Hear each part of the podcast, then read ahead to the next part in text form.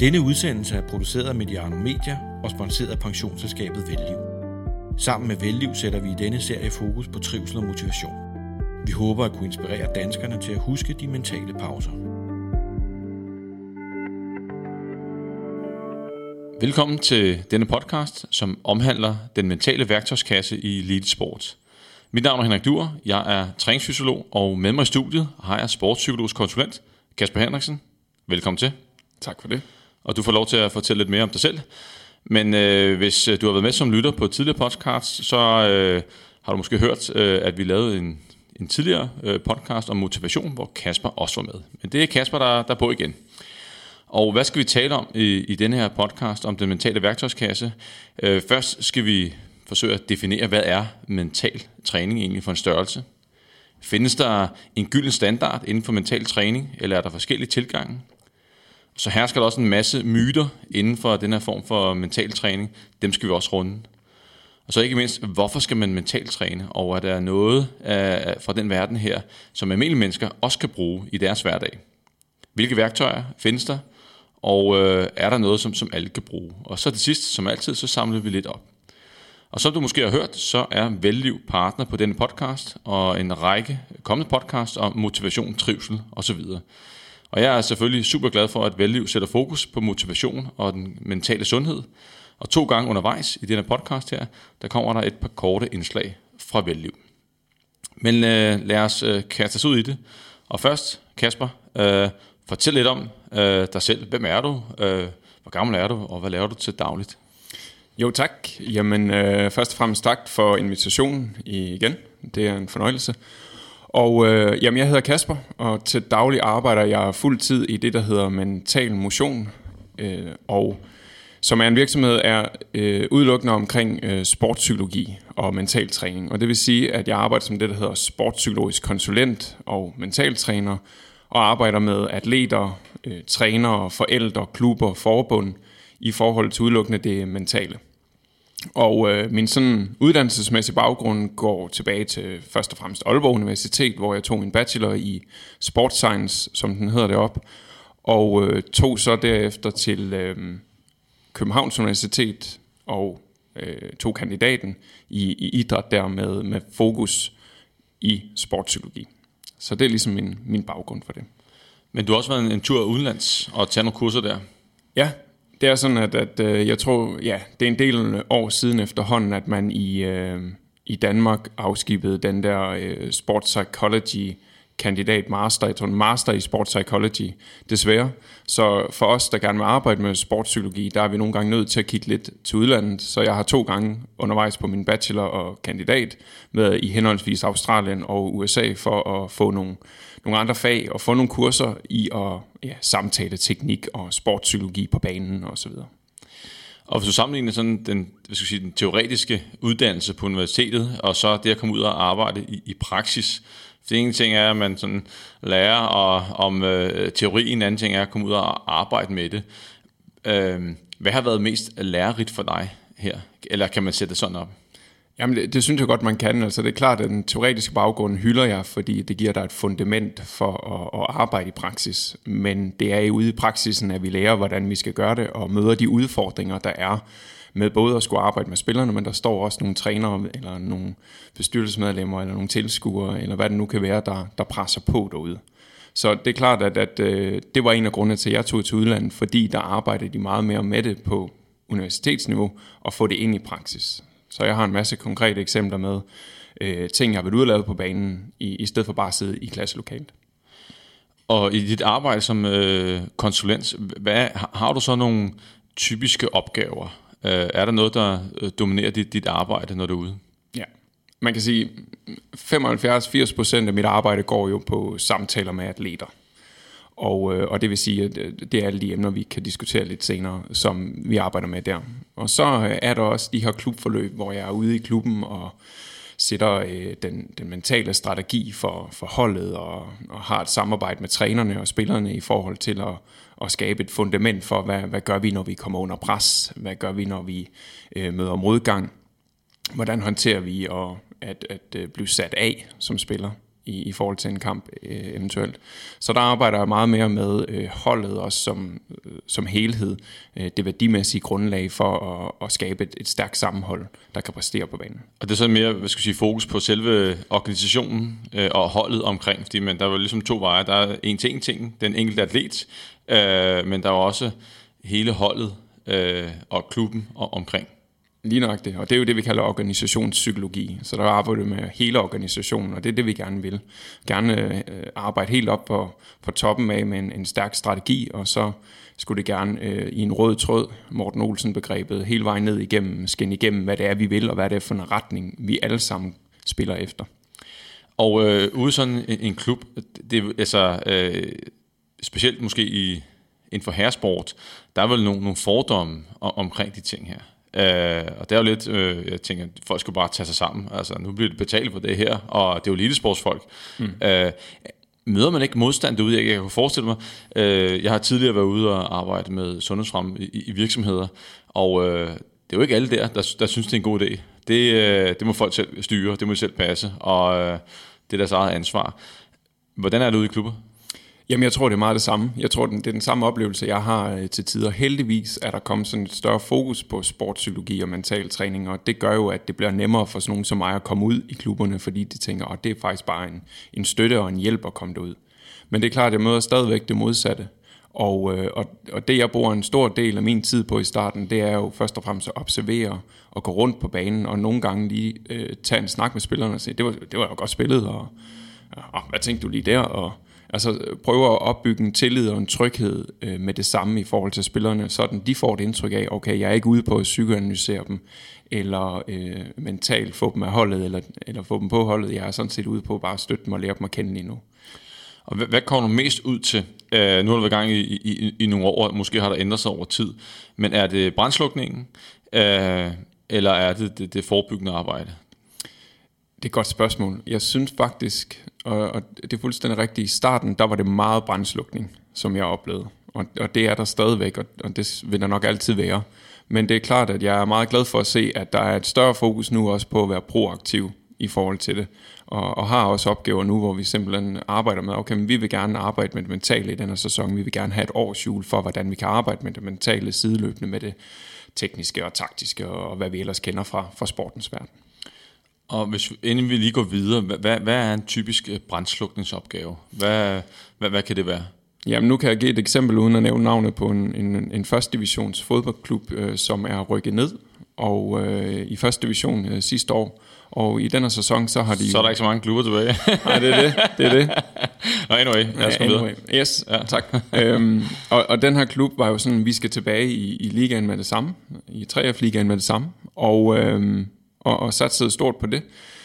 Øh, nu er vi i, inde i sæsonen, og nu, nu spiller de et nedrykningsspil i stedet for, og øh, har fyret cheftræneren for nylig, og, og, og nu står man der.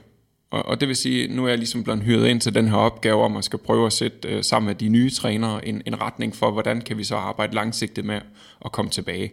Øh, det kortsigtede mål om at komme tilbage i 3F, det, det gik vi glip af, så nu må vi kigge øh, på nogle andre måder at arbejde med det på. Så det er sådan en typisk opgave. Ja, og, og der, der er sikkert en masse arbejde, fordi det der med, at man kommer ind i en, en ond spiral, hvor man taber og taber og taber, og måske mister troen på det hele. Ja. Og når vi taler fodbold, så er et, et, et godt eksempel, som, altså som en person, som alle måske lægger mærke til, når man ser fodbold, det er BS. Altså mm. han sidder hos FC Midtjylland, og, og det har han jo gjort i lang tid.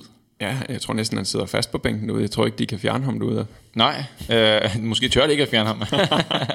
så, men, men det er jo meget godt eksempel på, at her har vi den klub, som performer allerbedst i øjeblikket, hvor, hvor det hele det, det kører. Og, og de har haft en, en, en fast mand på holdet, eller BS på holdet i, i lang tid. Ja. Kasper, mental træning.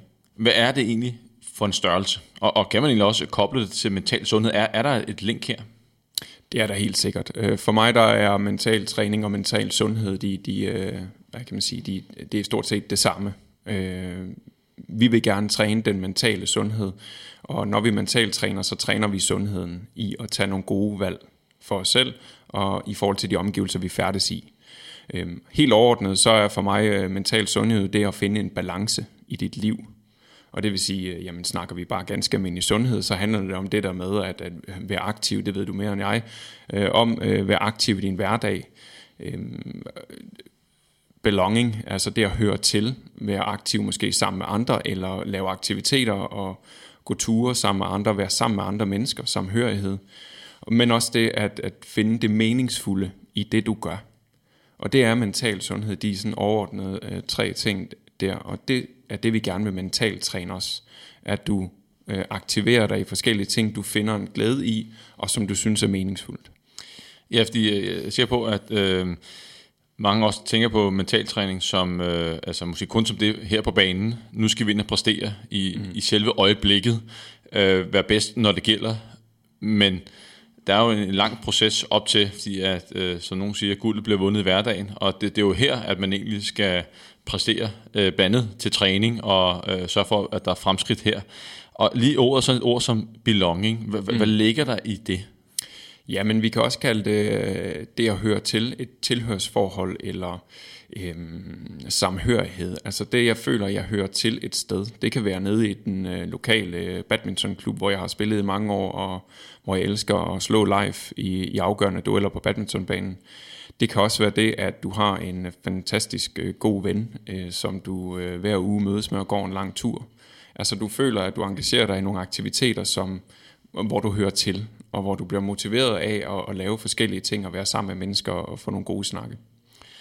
Og, øh, og belonging, det handler også om, er det også i, i forhold til, hvis man kommer ind som fodboldspiller udefra, der er helt fast samtømret hold, og så kommer man ind, og man kan måske ikke engang sproget. Hva, hva, altså, det er vel også en, en udfordring, øh, tænker jeg. Ja, det er en kæmpe udfordring. Du er fuldstændig ret. Og det er jo meget det, vi så gerne vil arbejde med som mentaltræner, sportspsykologiske konsulenter. Det er det her med, hvordan kan vi lynhurtigt få integreret den her person, der måske kommer og ikke kan tale sproget øh, med det samme. Og her handler det jo om virkelig at, at skabe et fundament i klubben, hvor man ved, at der, der er udskiftning. Der er nogle af jer, der forlader, I skal videre til måske større destinationer, og der kommer nye ind. Hvordan kan vi bedst muligt, hvilket værdigrundlag og hvilket klub vil vi gerne øh, skabe, så der er åbenhed for at tage de her mennesker ind. Øh, ja, man kan tage sådan nogle ting på det danske land, så har de en, en spillergruppe af 3-4, det havde de i hvert fald under O'Harreide, jeg ved ikke om de har det under Kasper Julemand, det, det har de sikkert, men, men så er der jo nogle spillere, der ligesom er bindeledet mellem træner og, og landshold eller, eller klub til øh, spillertruppen, og det er jo nogle af dem, der så er kulturbærer, der kan løfte og, og hjælpe de nye ind. Og øh, det lyder som noget, man også øh, gør i større virksomheder, eller almindelige virksomheder, den her øh, onboarding, når der kommer en ny indsats. Det er jo en ting af, hvad skal vi sige, elitesport, men det er absolut også vigtigt, altså når man øh, bliver ansat i en virksomhed, at man får en, en, en god øh, hvad skal vi sige, opstart, og man har et tilhørsforhold. Jeg kan huske for mange år siden, øh, og det er jeg helt stolt af, øh, der havde jeg en, en lille konsulentvirksomhed. Øh, jeg startede sammen med en, der hedder Tim, og en, der hedder Eskil, og øh, jeg husker, at vi fik vores første ansatte. Morten. Og øh, Morten, han, han, han blev stort set overladt til sig selv. Her nogle opgaver. Øh, du skal sidde derinde, og vi, vi andre, vi kørte bare videre i vores eget race. Øh, og det, det var... Øh, se tilbage ikke den, den smukkeste onboarding-proces. Stakkels mand. Stakkels mand, og øh, efter et stykke tid tænkte vi, altså når man tænker tilbage, det var alligevel lidt under, at han blev hængende til at starte med, fordi jeg, jeg, han, han var lidt uh, lone wolf der. Ja, okay. Ja. Men, men øh, tilbage til mentaltræning. Da vi talte om motivation sidst, mm. øh, der blev vi også hurtigt enige om, at der, der findes mange forskellige teorier med hensyn til motivation. Hvad er det for en størrelse? Og, og hvordan er det inden for mentaltræning? Det er jo lidt det samme boldgade. Og er der sådan en, en, en teori, der er sådan golden standard, man går efter, eller hvordan er det? Mm. Altså, nu er jeg ikke øh, sådan øh, folk kan jo lytte til, øh, til motivationspodcasten, og så kan vi, der går jeg mere i dybden, eller vi går mere i dybden med, med selve teorierne og sådan, hvad de er. Men overordnet set, så arbejder vi jo stadigvæk med i elitesport eller almindelig øh, sport med indre ydre motivationer, og, og det er vigtigt at have begge to i spil, fordi de kan være sit. Og um, helt overordnet, så øh, er der stadigvæk den her self-determination theory, altså selvbestemmelsesteorien, øh, så, som gør sig gældende her.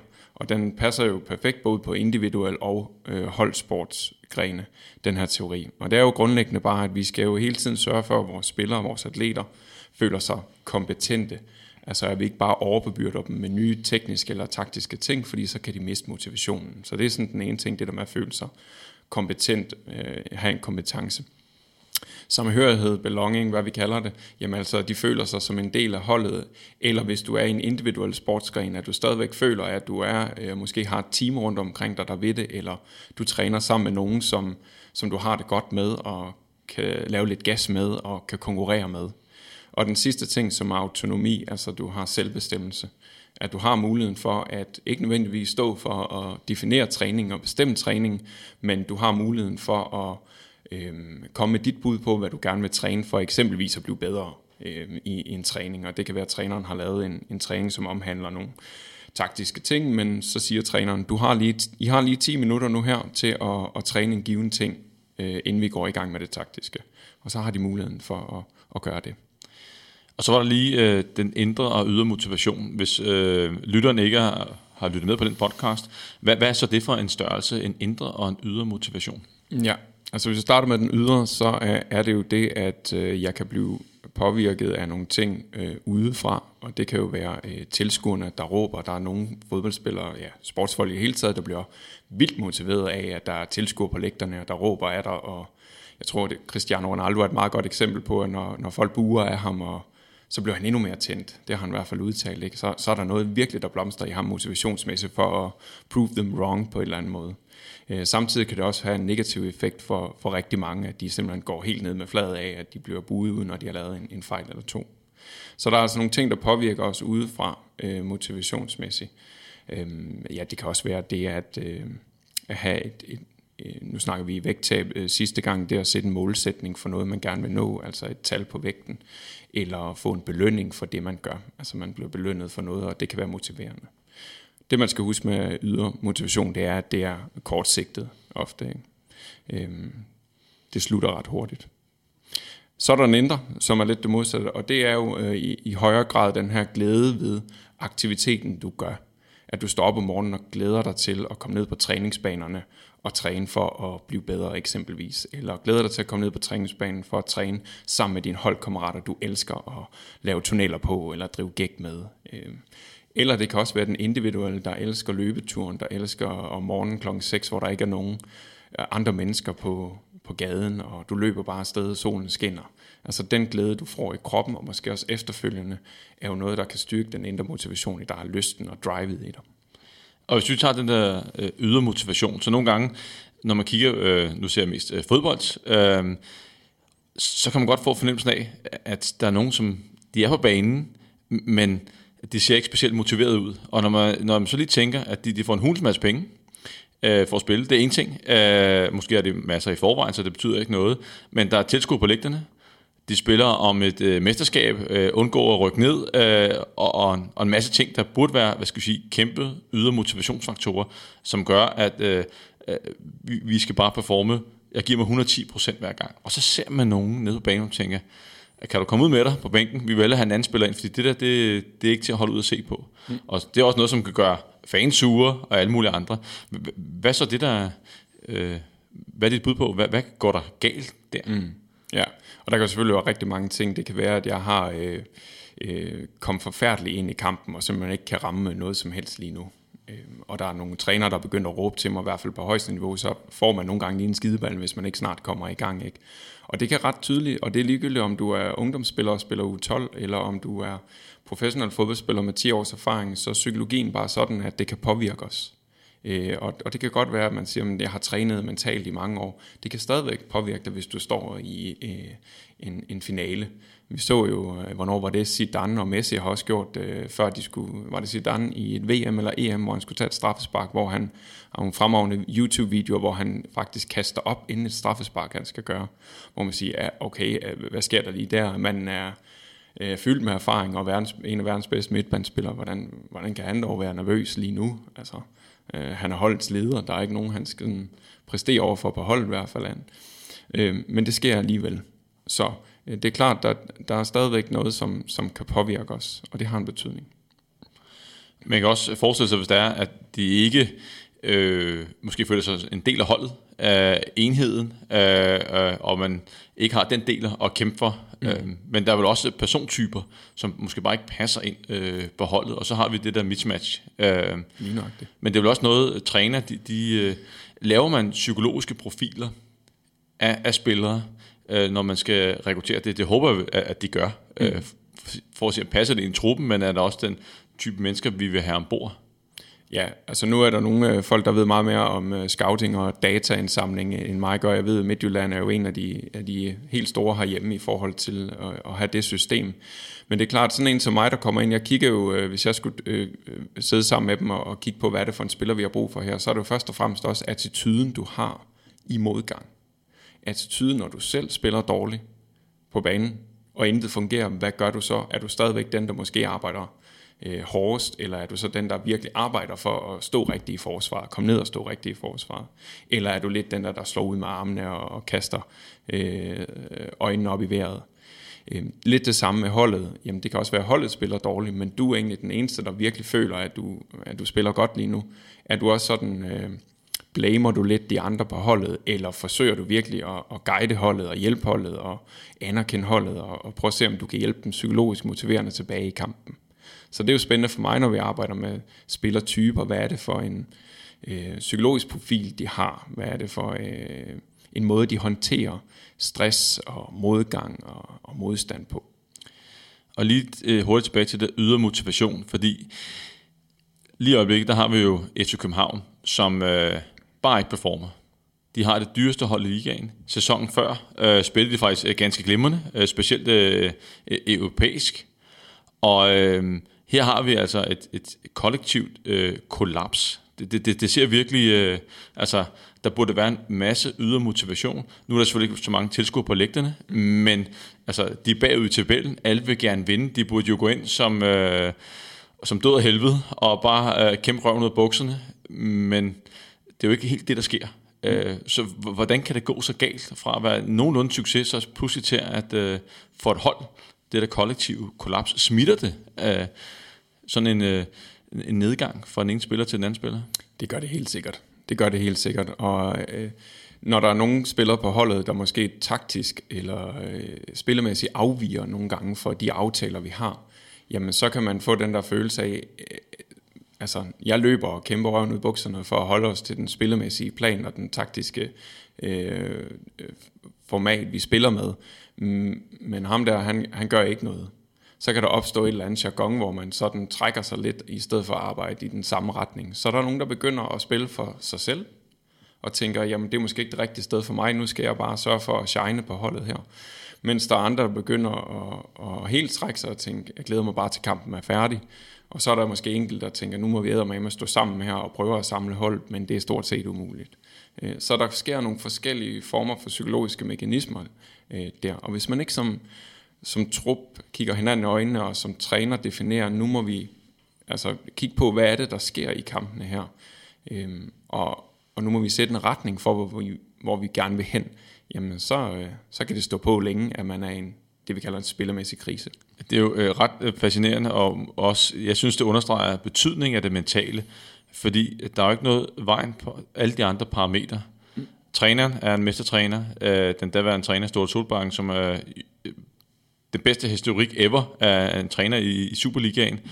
Og øh, vi har det bedste spillermateriale på papiret. De får en højeste løn, den største klub, mesterskabshold.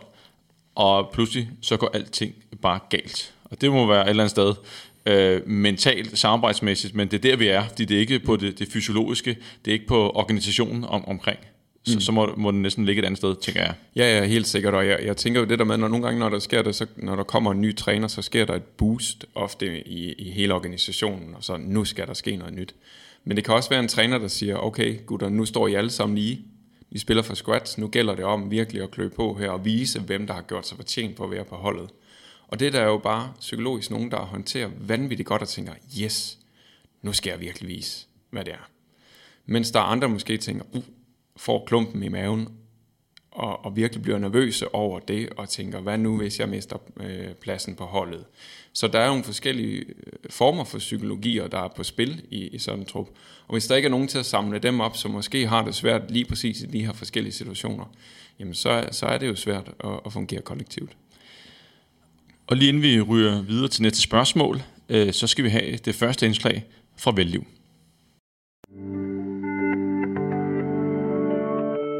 Hos Velliv vil vi gerne fremme mental sundhed i Danmark.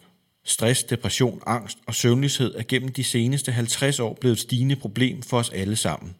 Og konsekvenserne er enorme for både den enkelte, familien, arbejdspladsen og samfundet. Derfor er Velliv og Danmarks Idrætsforbund gået sammen om at hylde både de små og store sejre. Velliv støtter op om både eliten og bredden i dansk idræt og inspirerer gennem samarbejdet danskerne til at få endnu mere bevægelse og sundhed ind i hverdagen, og dermed mere ud af livet gennem et sundt og aktivt liv.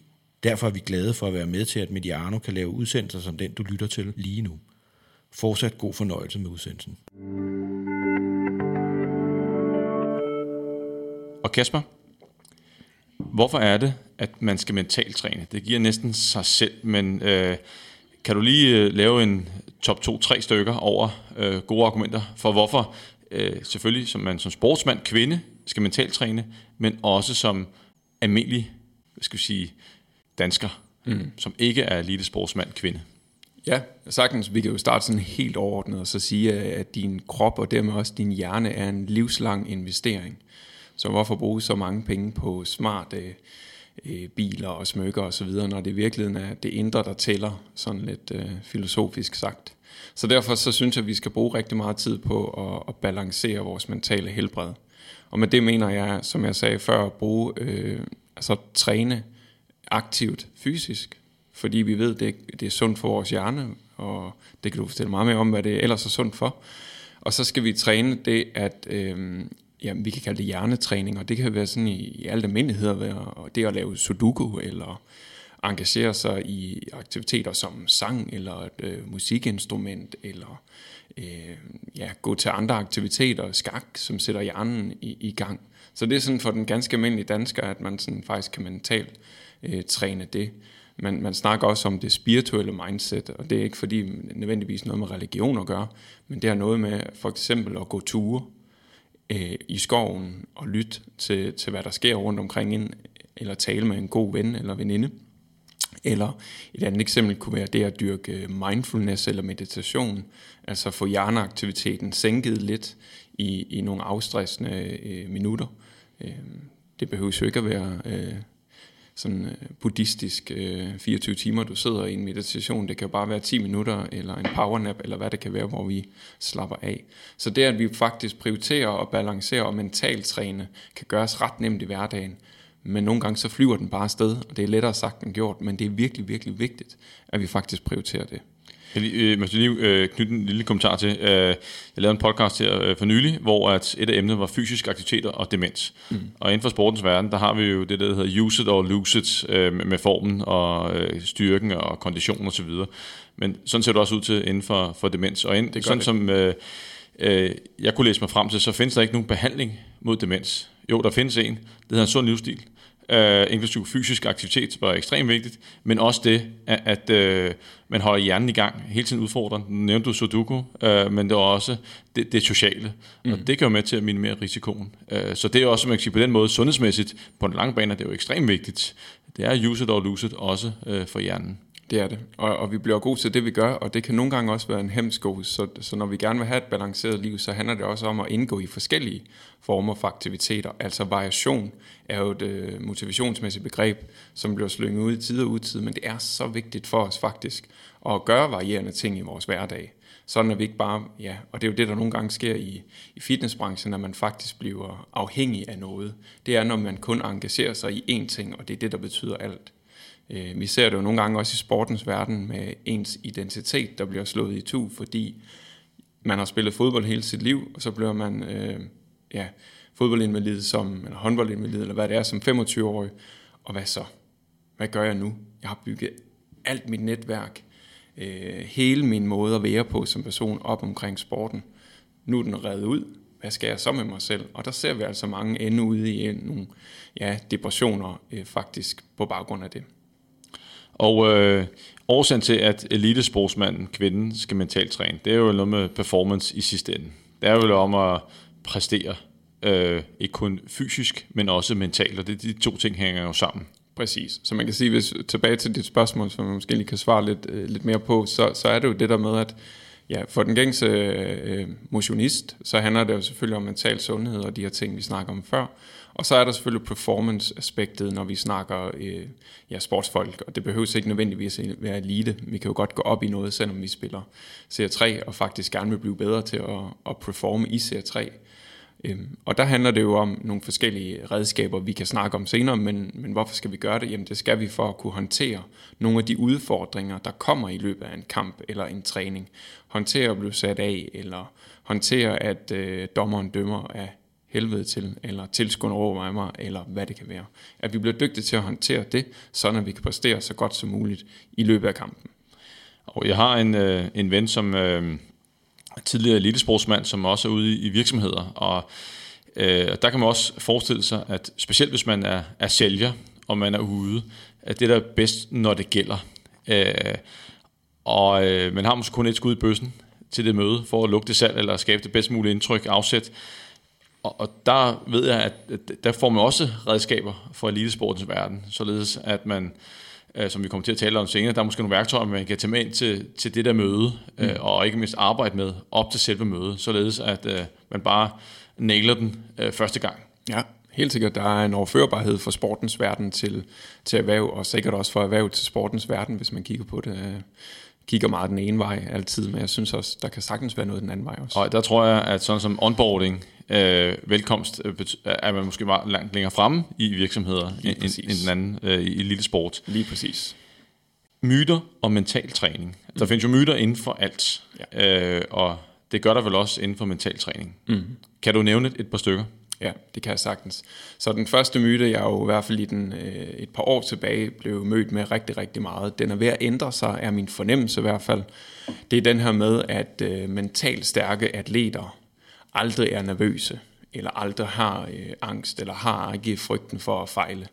Og det er jo en af de største myter, fordi vi ved, at det at være nervøs, bange, frygte og fejle er helt normalt.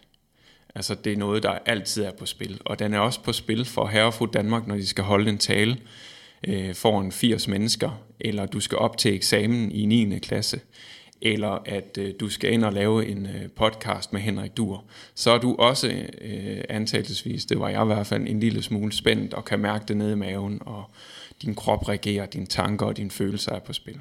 Så og selvom du har været i sportens verden i mange år og været i situationerne rigtig mange gange, så er det stadigvæk på spil, når vi står der på skamlen og skal til at hoppe i vandet, eller står der og Champions League-hymnen lyder. Og øh, er der andre myter inden for det? Altså det med, øh, det vi talte sammen, der, der nævnte du lidt om, øh, du skal bare tænke positivt, så, så, så går det bare. Så går det fantastisk. Yes, og det er jo en af mine favoritter, fordi at, øh, nu kan du uden at nævne et øh, eksempel måske øh, tænke med her på, hvornår, øh, hvis, du, hvis du prøver at tænke tilbage på, og det kan lytterne også gøre, tænke tilbage på øh, sidste gang, du var rigtig, rigtig vred.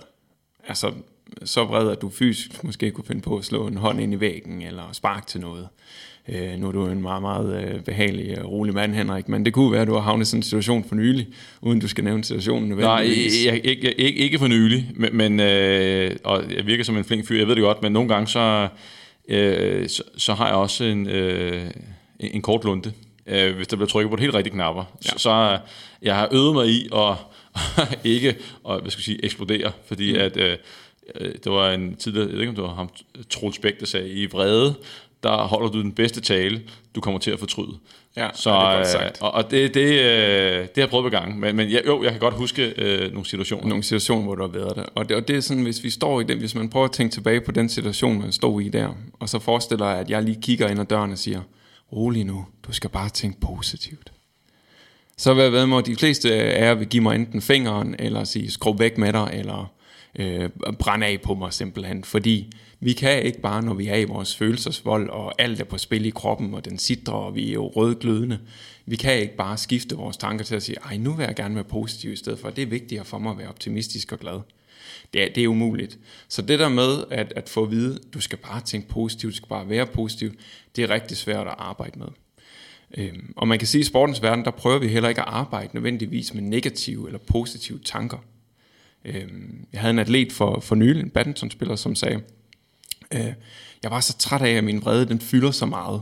Jeg er så træt af at have alle de negative tanker, der kommer, når jeg føler, at mit spil ikke fungerer. Og jeg spurgte øh, ham sådan, øh, hvad er det så, du gerne vil? Altså, hvor er det så, du gerne vil hen? Jamen, jeg vil bare gerne hen til, øh, hvor jeg har nogle mere positive tanker. Altså, hvor jeg er lidt mere optimistisk i mit spil. Og så sagde jeg til ham, det kan jeg virkelig godt forstå. Det må virkelig være bestræbelsesværdigt at komme derhen til. Men hvis jeg nu siger til dig, det bliver rigtig svært at komme dertil. Kan du prøve at fortælle mig, om du lykkes med det nogensinde? Så sagde han, nej, jeg har nemlig aldrig lykkes med det. Okay, så hvad så? Så vil vi meget hellere arbejde med det, der hedder brugbare tanker. Fordi negative og positive tanker, en positiv tanke kan jo også være negativ sig selv. Vi kan prøve sådan et meget tænkt eksempel at sige, at øh, hvis vi har en, en hjernekirurg, en alkoholiseret hjernekirurg, øh, som siger følgende. Det lyder ja, farligt. Ja, jeg er en fantastisk kirurg, når jeg drikker. Selvom jeg drikker. Jeg er en fantastisk kirurg, selvom jeg drikker. Så er det jo faktisk en positiv tanke, han har der. Jeg vil ikke have lyst til at blive opereret af ham. Det er ikke brugbart. Så selvom noget er, lyder positivt, defineret positivt, jamen så behøves det ikke at være brugbart. Og det er derfor, vi meget hellere vil arbejde med, jamen selvom du har de tanker og følelser, det er okay, de er der, det er normalt. Hvad kan vi så gøre i den aktion i stedet for? Hvad er det brugbare at arbejde med her? Og det kunne være noget brugbart, det kunne være noget teknisk eller taktisk. Øh, jeg skal spille mere på forbanen nu, øh, selvom det ikke fungerer for mig lige nu, så skal jeg holde fast i det med at spille på forbanen. Eller jeg må have fat i min attitude nu, jeg skal være hurtigere i mit tilbageløb, eller mine reaktioner skal være på at få bolden så hurtigt som muligt. Det Pep Guardiola er eksponent for i, i City. Ikke? Når man nogen, der taber bolden, så er der tre mennesker omkring øh, bolden med det samme igen. Og det der med, at øh, man gerne vil have hvad skal jeg sige, øh, flere positive tanker ind, øh, det tror jeg, at de fleste gerne vil have. Ikke kun mm. elitesportsfolk.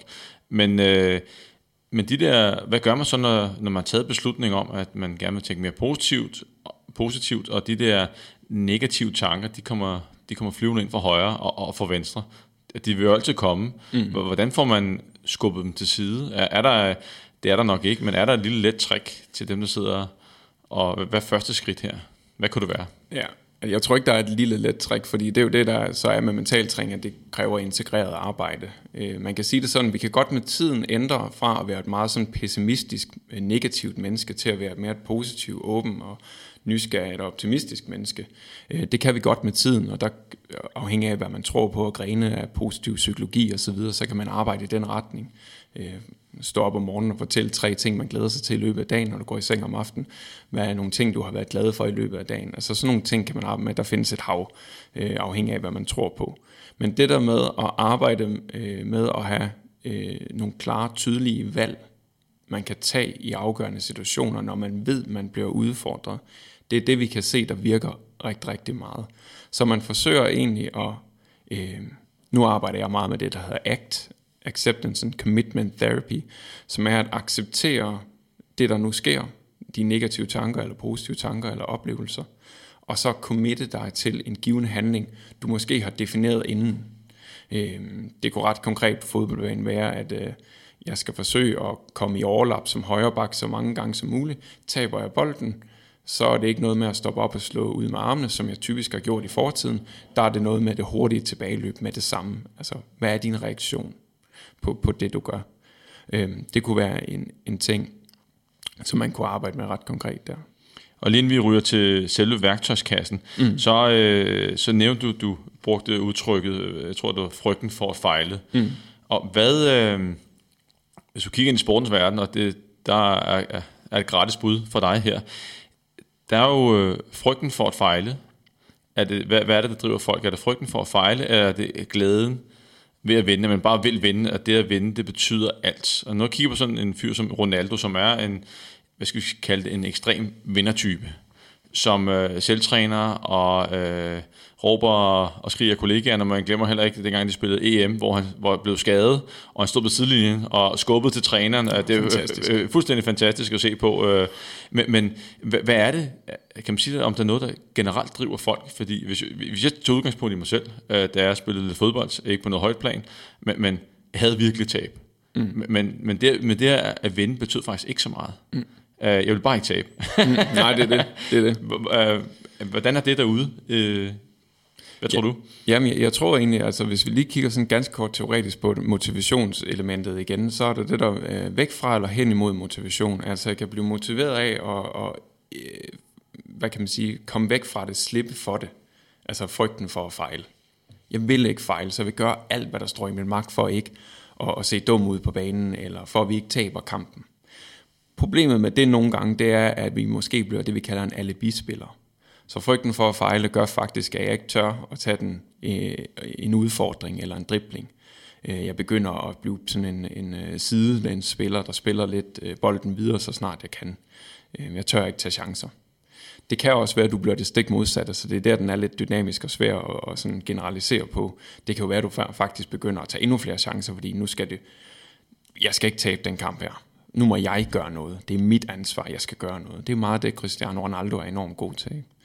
Og så er der selvfølgelig den i den modsatte ende, som motiveres helt vanvittigt, altså hen imod motivation, der virkelig motiveres af at, at vinde kampen og, og resultatet, og måske sin egen prestige og lave assist eller målscoring, at du bliver motiveret af at, at spille så godt som muligt og vinde.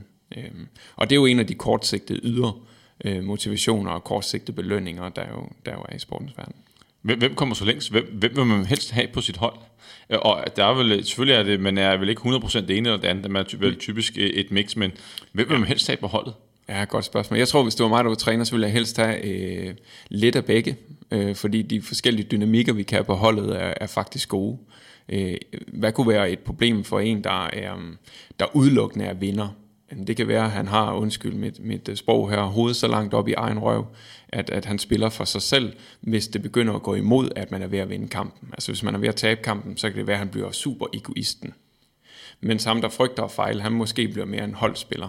Så for mig så handler det ikke så meget om, hvilken type du nødvendigvis er. Det handler om, hvordan du reagerer på den modstand, du oplever lige nu, når vi er ved at tabe kampen. Okay. Og lige inden vi ryger videre til den mentale værktøjskasse, hvilke øh, redskaber har vi dernede, så skal vi have det sidste indslag fra Velliv. Velliv er Danmarks nye kundeejet pensionsselskab, der laver skræddersyede pensionsordninger til danske virksomheder. Vi er som det eneste pensionsselskab i Danmark 100% ejet af kunderne, og derfor tilbyder Velliv som det eneste pensionsselskab i Danmark tre kilder til afkast, der bidrager til at skabe en tryg økonomisk alderdom. Derudover ønsker vi i Velliv at bidrage til, at danskerne får et sundt fysisk og mentalt helbred. Derfor er vi glade for at være med til, at Mediano kan lave udsendelser som den, du lytter til lige nu. Fortsat god fornøjelse med udsendelsen. Kasper, når vi kigger på den der mentale værktøjskasse, så er den sikkert øh, kæmpestor. Men kan man sådan overordnet set dele den op og sige, okay, vi har en værktøjskasse til, hvad skal vi sige, det daglige arbejde, og så har vi en, en værktøjskasse til, når vi skal i, i kamp. Mm. Ja. Jamen det kan vi sagtens, og det, det er klart, at øh, her snakker vi jo også lidt for mit vedkommende for at lukke jer ind i maskinrummet om, øh, hvad træner vi mentalt, øh, måske langsigtet på i dagligdagen, og hvad er nogle konkrete præstationsfærdigheder, vi gerne vil give øh, atleterne mentalt, så de kan præstere til en, til en kamp eller konkurrence. Man kan sige, at i dagligdagen, så vil vi rigtig gerne, noget af det, vi starter med at arbejde med ude hos os, det det, vi kalder bevidsthedstræning eller opmærksomhedstræning. Og det vil sige, at vi træner vores bevidsthed i den daglige træning og i kamp og konkurrence i, i lang tid som et forarbejde øh, på at registrere tanker, følelser, øh, hvad du mærker i kroppen og hvordan du reagerer i forskellige situationer. Så der vil ofte være nogle reaktioner, som vi har oplevet igennem vores øh, karriere eller spil, som, som vi typisk gør nogle, nogle, vi kan kalde dem dårlige vaner, vi gør, øh, hvor vi bliver påvirket mentalt af det. Og, og det er, hvad det er. Det kan vi ikke sådan ændre på, at vi bliver påvirket mentalt af det. Men vi kan lære at håndtere dem, når vi kommer i dem. Og det er det, der er interessant med bevidsthedstræning som det første redskab, at vi træner det her med at registrere tanker og følelser, så vi ved, okay, det er sådan her, jeg får det, har det, tænker og føler i de her situationer. Jeg ved, når det kommer, så kan vi begynde at kigge på, når jeg kan registrere det og kende det, så kan vi begynde at arbejde med, hvad gør jeg så, når jeg kommer i de her situationer.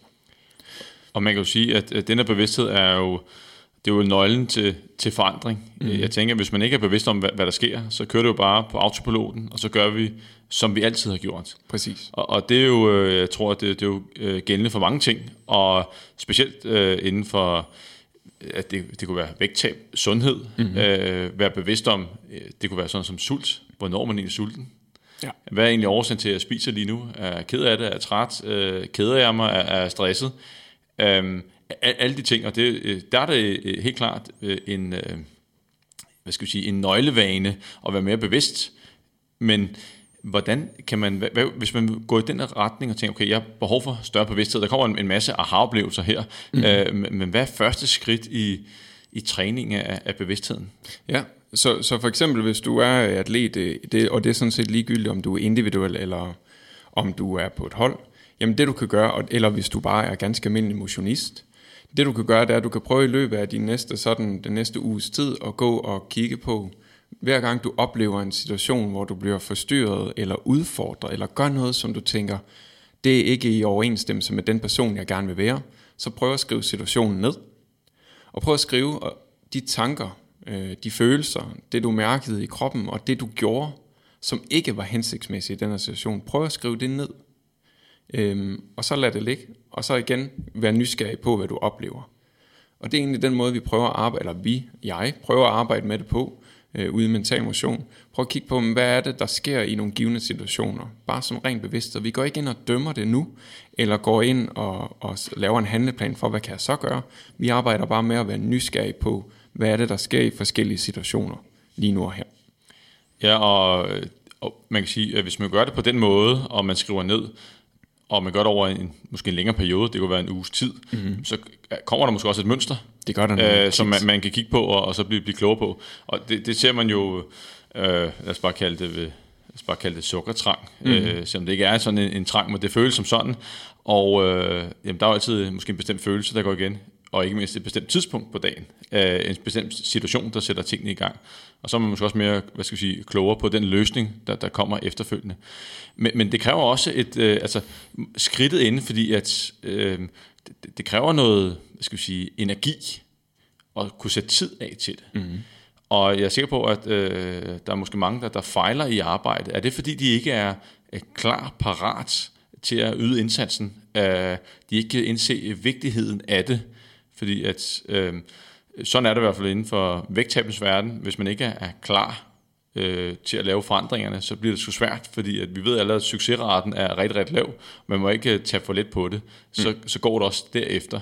Men inden for det mentale arbejde med, med sportsfolk, hvor klar er de generelt? Er, er, det, er de villige til at øh, åbne op for alle mulige typer værktøjer for at øh, vinde eller undgå at tabe?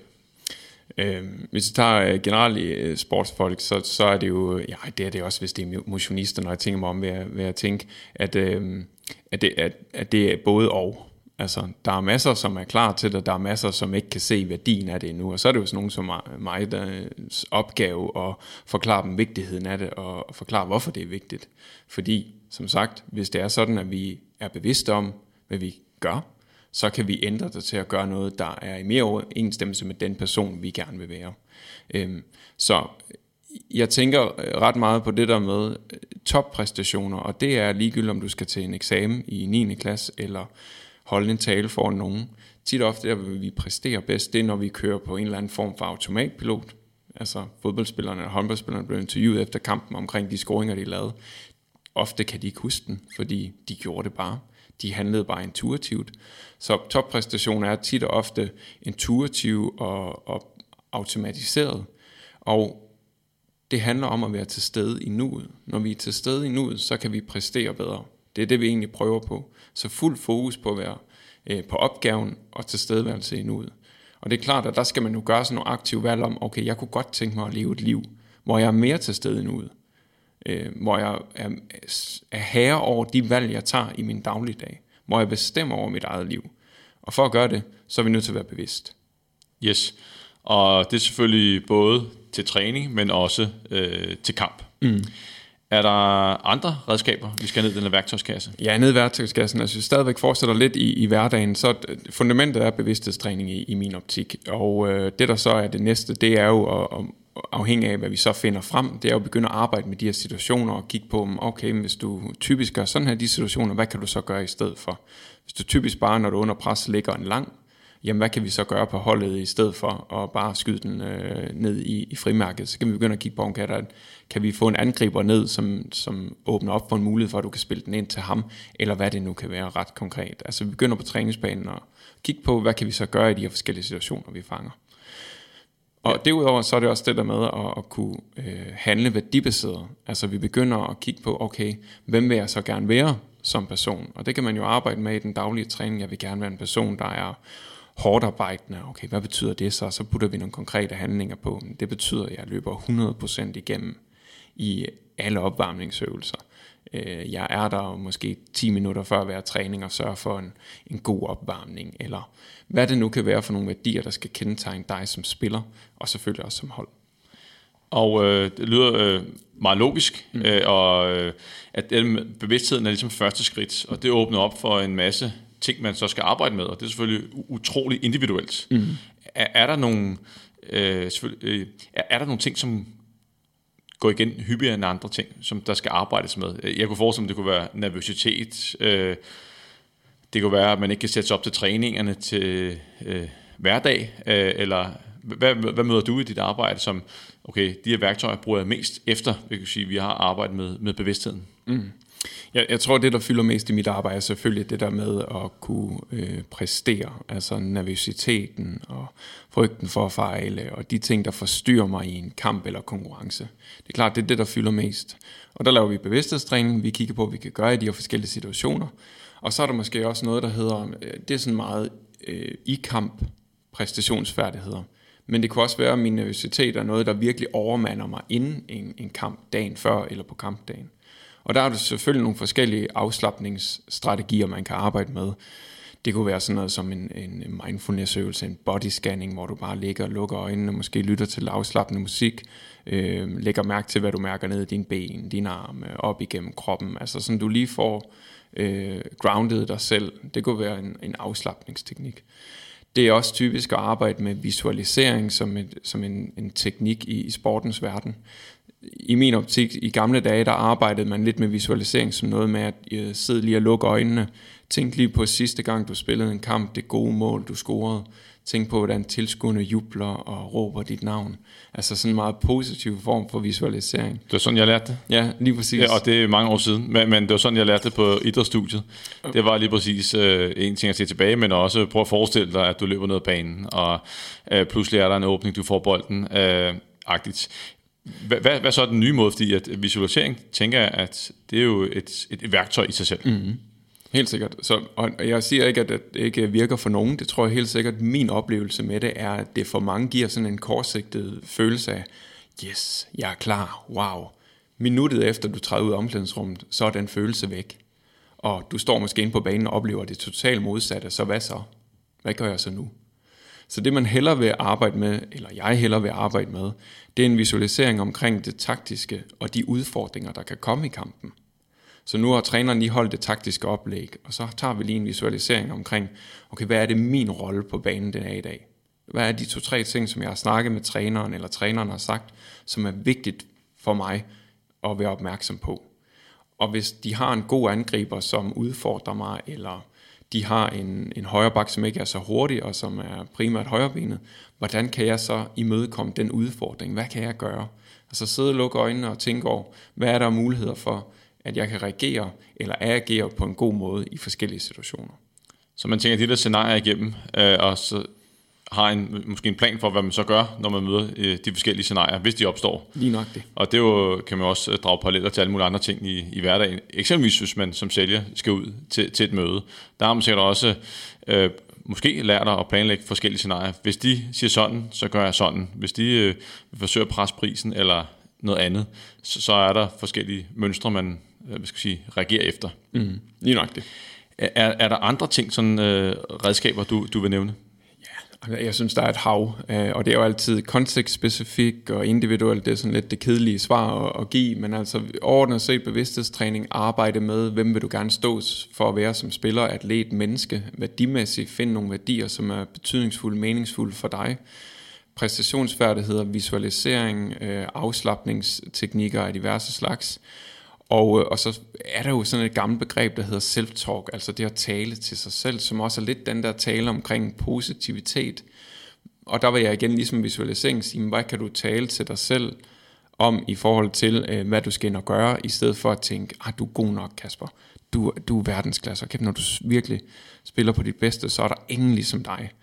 Øh, lige så snart jeg åbner øjnene igen, så er de tanker måske væk. Så heller igen self-talk, tænke omkring, okay, nu må jeg lige spille sådan her, eller nu skal jeg lige gøre sådan her.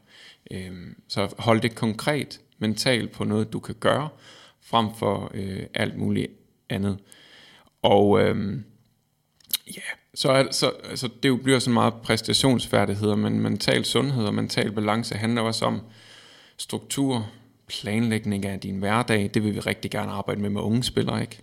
Øh, planlægning af din hverdag, dual career øh, området, hvor vi arbejder med, at du skal øh, ikke bare som ung menneske øh, være god i din sport, du skal faktisk også være god i skolen, du skal være en god klassekammerat, du skal være et godt barn, du skal opfylde pligterne derhjemme, tage opvasken, øh, der er sociale identiteter på spil, Instagram, Facebook, altså vi skal kunne rigtig meget, de unge mennesker og de ældre skal kunne rigtig meget i dag, så det der med at for eksempel at kigge på øh, 24 timer, hvor lang tid bruger du på de sociale medier?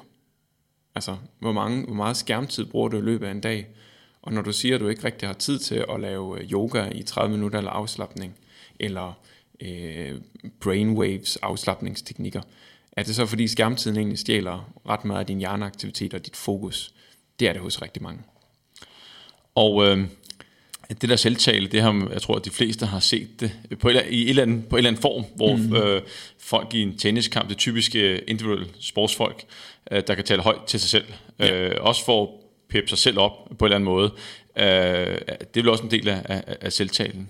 Ja, det er den nemlig. Altså, jeg tror, øh, hvis nogen kender ham, der øh, Tony Robbins eller Anthony Robbins, øh, coaching-guruen der, når man sådan har set nogle dokumentarer med ham, så står han jo, inden han skal ind på et show der, råber og skriger og slår sig selv i brystet, og altså, så flyver han ind på scenen, og du tør jo nærmest ikke, øh, ikke kigge på ham, fordi han er så stor og bred og, og, og energifuld. Øhm, og, og det kan gøre noget kortsigtet, øh, helt sikkert. Øh, men når det handler om at gøre noget andet på banen, og agere og reagere konstruktivt på banen, så øh, kan jeg godt sætte mit spørgsmålstegn ved, hvor meget det egentlig øh, giver. Og hvad med sådan et, et, et redskab, som øh, var god? Altså, jeg er med helt med på øh, hverdagen. Den skal, den skal selvfølgelig spille. Man skal mm. trives i hverdagen, ellers så øh, præsterer du ikke til træning, og du præsterer heller ikke øh, øh, til kamp i weekenden. Lige øhm, hvad er sådan noget som øh, målsætning? Hvor er, er det henne? Er det at kunne sætte sig et, et ordentligt mål, og så på den, den gode måde gå efter det? Ja, Jamen det, er jo, det er jo, selvfølgelig er det helt afgørende. Og det vil jeg faktisk sige, at, at øh, og der arbejder vi jo ordnet med øh, resultatmål. Selvfølgelig resultatmål er, hvad er det for, hvor mange mål skal jeg score i denne sæson, eller hvilken placering skal vi i. Det er sådan en typisk ting, man gør. Øh, problemet med resultatmål, det er, at vi ikke altid selv er herre over det. Selvom vi spiller den bedste sæson, så kan det være, at FCK bare lige var den tand bedre i denne sæson og vandt. Så mere individuelt eller på holdbasis vil vi hellere arbejde med præstations- og procesmål præstationsmål kunne være, at jeg vil gerne forbedre mit non-dominante, altså mit venstre ben i, i denne sæson. Procesmål er, hvordan gør jeg så det? Jamen det gør jeg ved, at 10 minutter efter hver træning, der har jeg nogle forskellige sparkeøvelser med det ben, eller i, i mandagstræning i næste uge, der må jeg primært bruge det ben til at spille med, og drible med og aflevere med. Øh, så målsætninger fylder selvfølgelig en hel masse. Øh, der er jo lige kommet et spændende studie, eller det kom der tilbage i 2019 fra Københavns Universitet omkring øh, motivation og fastholdelse i, øh, i, i fodbold, lavet i DBU Sjælland, hvor man har interviewet sådan noget med, eller spørgeskemasundersøgelse på 2.000 fodboldspillere i alderen 12-20, tror jeg det var. Og øh, hvor man så på, hvad skal der til i, i miljøet, og hvad skal træneren gøre for at fastholde øh, ja, fodboldspillere. Og noget af det, der var helt afgørende for det, det var, at man havde et mestrings- og opgavefokuseret miljø, frem for et resultatorienteret miljø. Og derudover så havde man en stor grad af, af self-determination theory, af selvbestemmelsesteorien, altså der blev lagt øh, an på de individuelle kompetencer, øh, samhørighed, hold spirit osv., men også selvbestemmelse, at folk får lov til at vælge. Og det skal stå over det resultatfokuserede. Så hvis du har en træner, hvor det udelukkende handler om at vinde i den daglige træning, og udelukkende handler om at vinde kampe, jamen så er der rigtig mange, der, der falder fra. Så derfor bliver målsætning og det at, at gå op i en given opgave vigtigt. og det er jo det samme, hvis vi tager det med, med vægttab. Ja, det kan godt være, at øh, du gerne vil tabe dig øh, ekstra antal kilo om ugen, eller hvad det måtte være, øh, men hvordan må du gøre for at komme derhen? Ja. Øh, og, og det, det er jo, øh, jeg tror, Eskild Ebbesen, øh, som jeg også laver podcast med tidligere OL-guldvinder, øh, mm. han siger, 5% øh, fokus på målet og 95% på processen. Så hvis du ikke har det, så kommer du aldrig i, i, i mål. Så er fokus øh, det helt forkerte sted. Nej, lige præcis. Det er kloge ord. Og hvis jeg skal til at runde lidt øh, af her, eller samle lidt op, øh, og vi kigger på, på den der værktøjskasse, altså nu skal du lige tilføje, hvis der er noget, jeg lige har glemt, og, mm-hmm. øh, og hvis der er noget, du synes, jeg mangler. Altså nummer et, ligesom i, i værktøjskassen, det er den der øget bevidsthed. Mm. Det her er, at øh, man måske opdager udfordringerne, men også, altså, det er jo lidt den der, jeg ved ikke om det stadig gælder, det der bale, behov accept, løsning accept. Mm-hmm. Øh, så hvis du ikke anerkender eller gense, at der er et behov, så er du heller ikke klar på, på løsningen. Ja, præcis. Og, og det, det er jo som bevidsthedens første skridt. Øh, og så alt afhængig af, hvad der så kommer derud af, øh, vi taler lige om, om målsætninger, øh, er, er vigtigt. Øh, visualisering. Øh, og øh, øh, sådan noget som øh, self-talk, øh, dialog med, med sig selv, og hvad andre ting skulle vi putte ned i den kasse der? Mm. Jamen så måske det værdimæssige, ikke? Altså for mig er noget af det vigtigste, det er identiteten og, og de værdier og den du er som person. Altså jeg synes øh, generelt set er der jo sådan en tendens i samfundet til at fokusere på det vi gør, i stedet for den vi er. Altså så et større fokus på, hvad er det for nogle ja, behov du har, eller hvad er det der driver dig som menneske i, i en given sportsgren. Så hvem du er mere end, end hvad du gør, det er det vi skal defineres på. Øh, så et større fokus på øh, værdier og øh, hvem du er som person er, er ligeledes øh, vigtigt. Ja, og så den, som jeg lige glemte at nævne, som du, også, som du selv nævnte, det var det der med at øh, planlægge hverdagen. Øh, altså, prioriterer du din tid rigtigt? Mm. Vi har jo det der med, og det er ikke kun inden for sportens verden, men det er grad også for øh, vores travle hverdag, øh, med at jeg har ikke tid til at leve en sund livsstil jamen lad os lige prøve at kigge på din iPhone og se på skærmtid. Der, så finder du hurtigt den tid, du, du har behov for, eller øh, hvad, hvad du bruger for Netflix. Øh, og det er jo øh, sindssygt vigtigt med hensyn til øh, hverdagen, øh, hvor er tiden hen, men også, at der er en, en balance i, i den. Ellers så, så kommer du aldrig nogensinde til at, at præstere på, på topniveau, hverken på banen eller øh, i, på jobbet, hvor ja. det måtte være. Lige nok det. Øh, altså, og simpelt, øh, sæt, prøv at sætte jer ned og så kigge på 24 timer i døgnet. Hvad bruger I typisk på en dag? I har øh, alle mulige måleredskaber. Telefonen fortæller dig din skærmtid. Du kan se, hvor lang tid du arbejder, hvad bruger du på transport, hvad gør du, når du transporterer dig fra A til B. Lukker du øjnene og slapper lidt af, eller sidder du med telefonen, eller, eller hvad gør du? Altså prøv at lægge mærke til, hvad vi egentlig gør. Det er sådan også et budskab. sådan, vær nysgerrig på, hvad, hvad bruger du egentlig din, din, din kostbare tid på? Og øh, tilbage til bevidstheden. yes. Ved du Kasper, det var super at have dig med øh, endnu en gang. Og øh, jeg vil tak for sige, det. Ja, øh, det er mig, der takker. Og så vil jeg sige tak til alle jer, der lytter med. Vi høres ved. Hej. Denne udsendelse er produceret af Mediano Media og sponsoreret af pensionsselskabet Velliv. Sammen med Velliv sætter vi i denne serie fokus på trivsel og motivation. Tak fordi du lyttede.